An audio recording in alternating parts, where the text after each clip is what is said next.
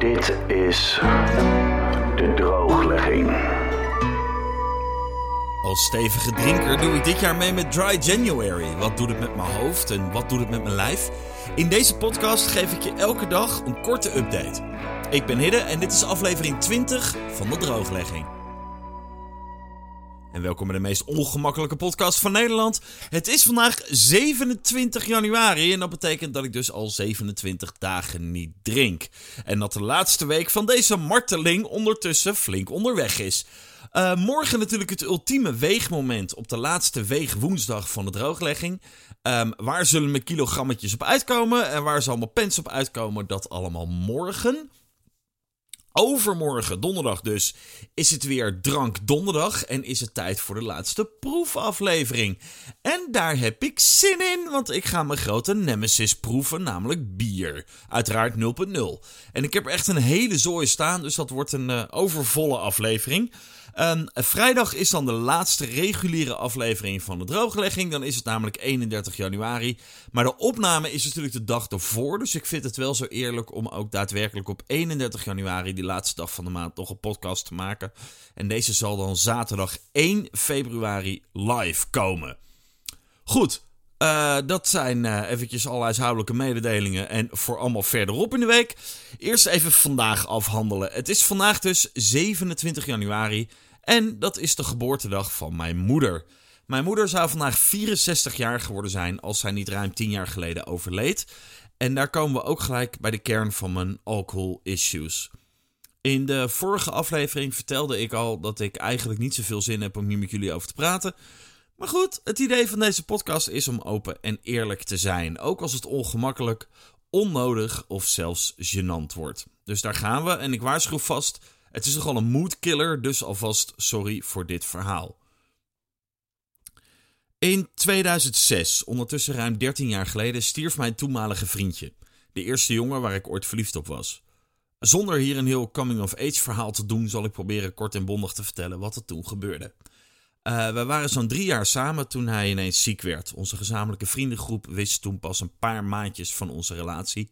Hij was wat bang om het aan de wereld te vertellen, omdat hij uit een zeer christelijk milieu uit het oosten des lands kwam. En hij was er niet van overtuigd dat het goed zou vallen als hij zou vertellen dat hij op jongens viel. Wij woonden samen in een heel klein hok in Hilversum en tijdens het kerstinkopen stortte hij met een zware epileptische aanvallen in elkaar in de V&D. Ja, die bestond toen nog. Met gierende banden is hij toen naar het ziekenhuis in Hilversum gebracht. Ik heb zijn ouders gebeld dat ze met spoed naar ons toe moesten komen. Um, helaas kwam hij niet uit zijn epileptische aanval. Na een lange nacht op de eerste hulp van Hilversum is hij uiteindelijk naar het UMC Utrecht gebracht, omdat zij zijn case niet meer aankonden.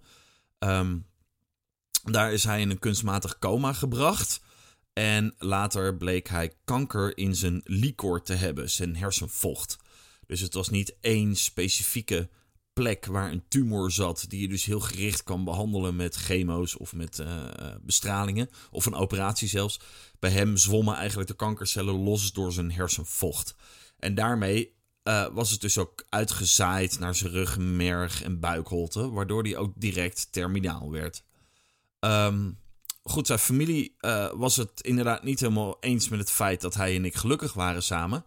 En ze hebben het ziekenhuis verzocht om mij buiten de deur te houden. En um, de helden van het UMC hebben dat echter niet gedaan. Zij zagen blijkbaar wel goed hoe de vork in de steel zat. Mijn moeder woonde die periode praktisch bij mij in huis, in Hilversum, om er voor mij te zijn. Um, zijn familie werd helaas steeds agressiever in hun uitingen naar het ziekenhuis, maar zeker ook naar mij en mijn moeder. Er is aan me getrokken, er is tegen me geduwd, er is tegen me geschreeuwd. Um, allemaal op een zaal van de intensive care of de half van het ziekenhuis. Ja, dat, dat was een leuke tijd. Um, vooral omdat ik helemaal niet met die mensen bezig wilde zijn. Ik wilde me gewoon focussen op ja, de jongen waar ik van hield, die op dat moment uh, nou, langzaamaan aan het doodgaan was, zeg maar. Uh, later hoorde ik zelfs van de verpleging dat zij zelfs security met mij mee lieten lopen op een afstandje als ik naar mijn auto liep, omdat de verpleging bang was dat zijn familie mij buiten op stond te wachten. Gelukkig is het nooit zo ver gekomen. Thank God. Maar goed, uiteindelijk werd mijn vriend wakker uit zijn coma. En hebben we met elkaar afgesproken dat het beter zou zijn als hij weer bij zijn ouders zou gaan wonen. Ik was immers pas 22 en kon niet voor een terminaal zieke patiënt zorgen. Zeker niet in dat kleine hok waar we woonden. Hij heeft toen bij zijn ouders geëist dat ik wel langs mocht komen bij hun thuis om, om hem te zien. Dus één of twee keer per week reed ik met het angstzweet op mijn rug naar het oosten. Na een half jaar is hij weer in elkaar gezakt en toen hebben zijn hersenen zo'n enorme klap gekregen dat hij daar nooit meer van is hersteld. Hij had bijvoorbeeld moeite met praten, hij hallucineerde, dat soort dingen. Voor zijn ouders was dat het moment om mij uit hun leven te snijden. Dus ineens werd de telefoon niet meer opgenomen en werd er niet meer gereageerd op sms'jes. Tegen hem is verteld dat ik het niet meer aankon en niet meer wilde komen, geloof ik. Onze gezamenlijke vrienden waren er gelukkig nog wel welkom en hebben mij en hem goed op de hoogte gehouden van hoe het met ons elkaar ging. Na een paar maanden is hij uiteindelijk overleden. Ik kreeg via mijn vrienden te horen dat dat gebeurd was. De laatste maanden van zijn leven heb ik hem dus niet meer gezien of gesproken. Ook op zijn begrafenis was ik niet welkom. En ik ben uiteindelijk ook nooit naar zijn graf geweest. Ik ben bang daar niks te vinden.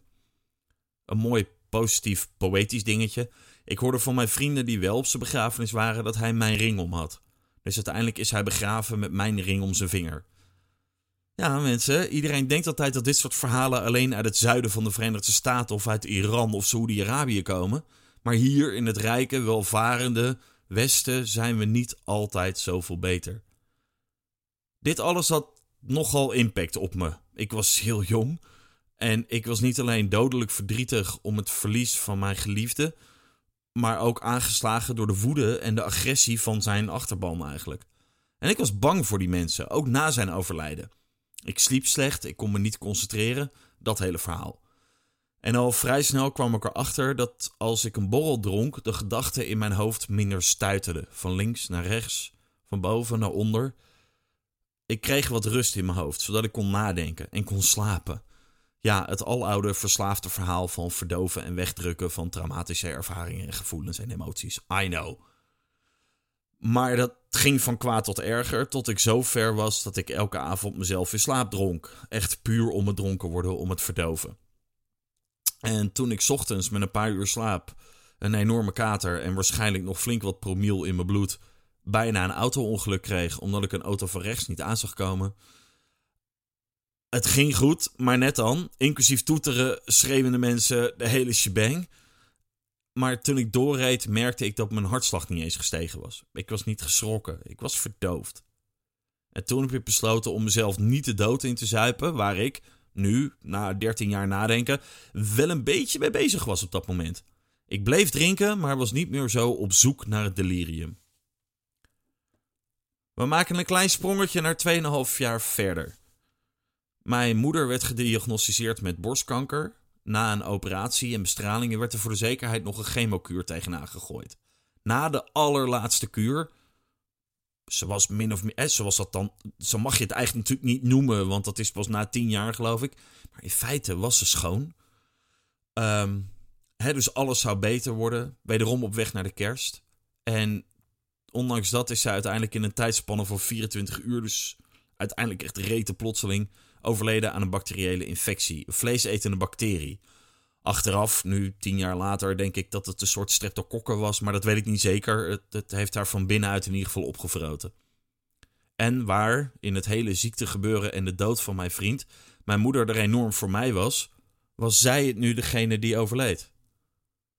En dat heeft mijn alcoholgebruik niet geholpen.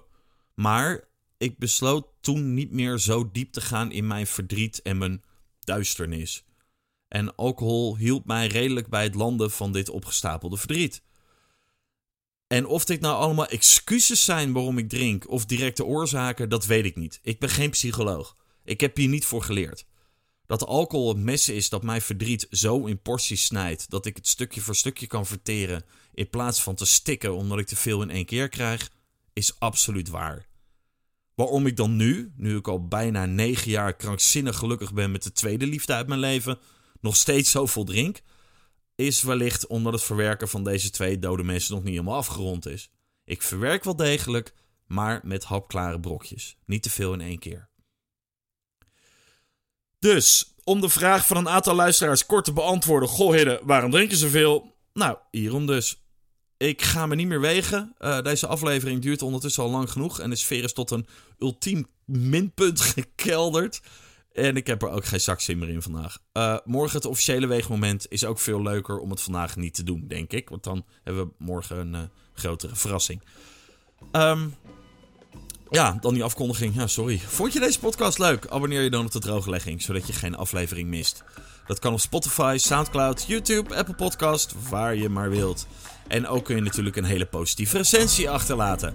En vertel natuurlijk iedereen over de drooglegging. En vandaag daag ik je uit om het aan mensen te laten horen die wellicht ook wat narrow-minded naar hun medemens kijken. Meer weten over hoe het de nuchtere dag doorkomt? Check dan ook mijn Instagram, hidderdg. En als je wilt reageren, mail dan naar de drooglegging, gmail.com. Morgen is het weeg woensdag waarin we de letterlijke balans opmaken. Bedankt voor het luisteren. Fijne dag en tot morgen.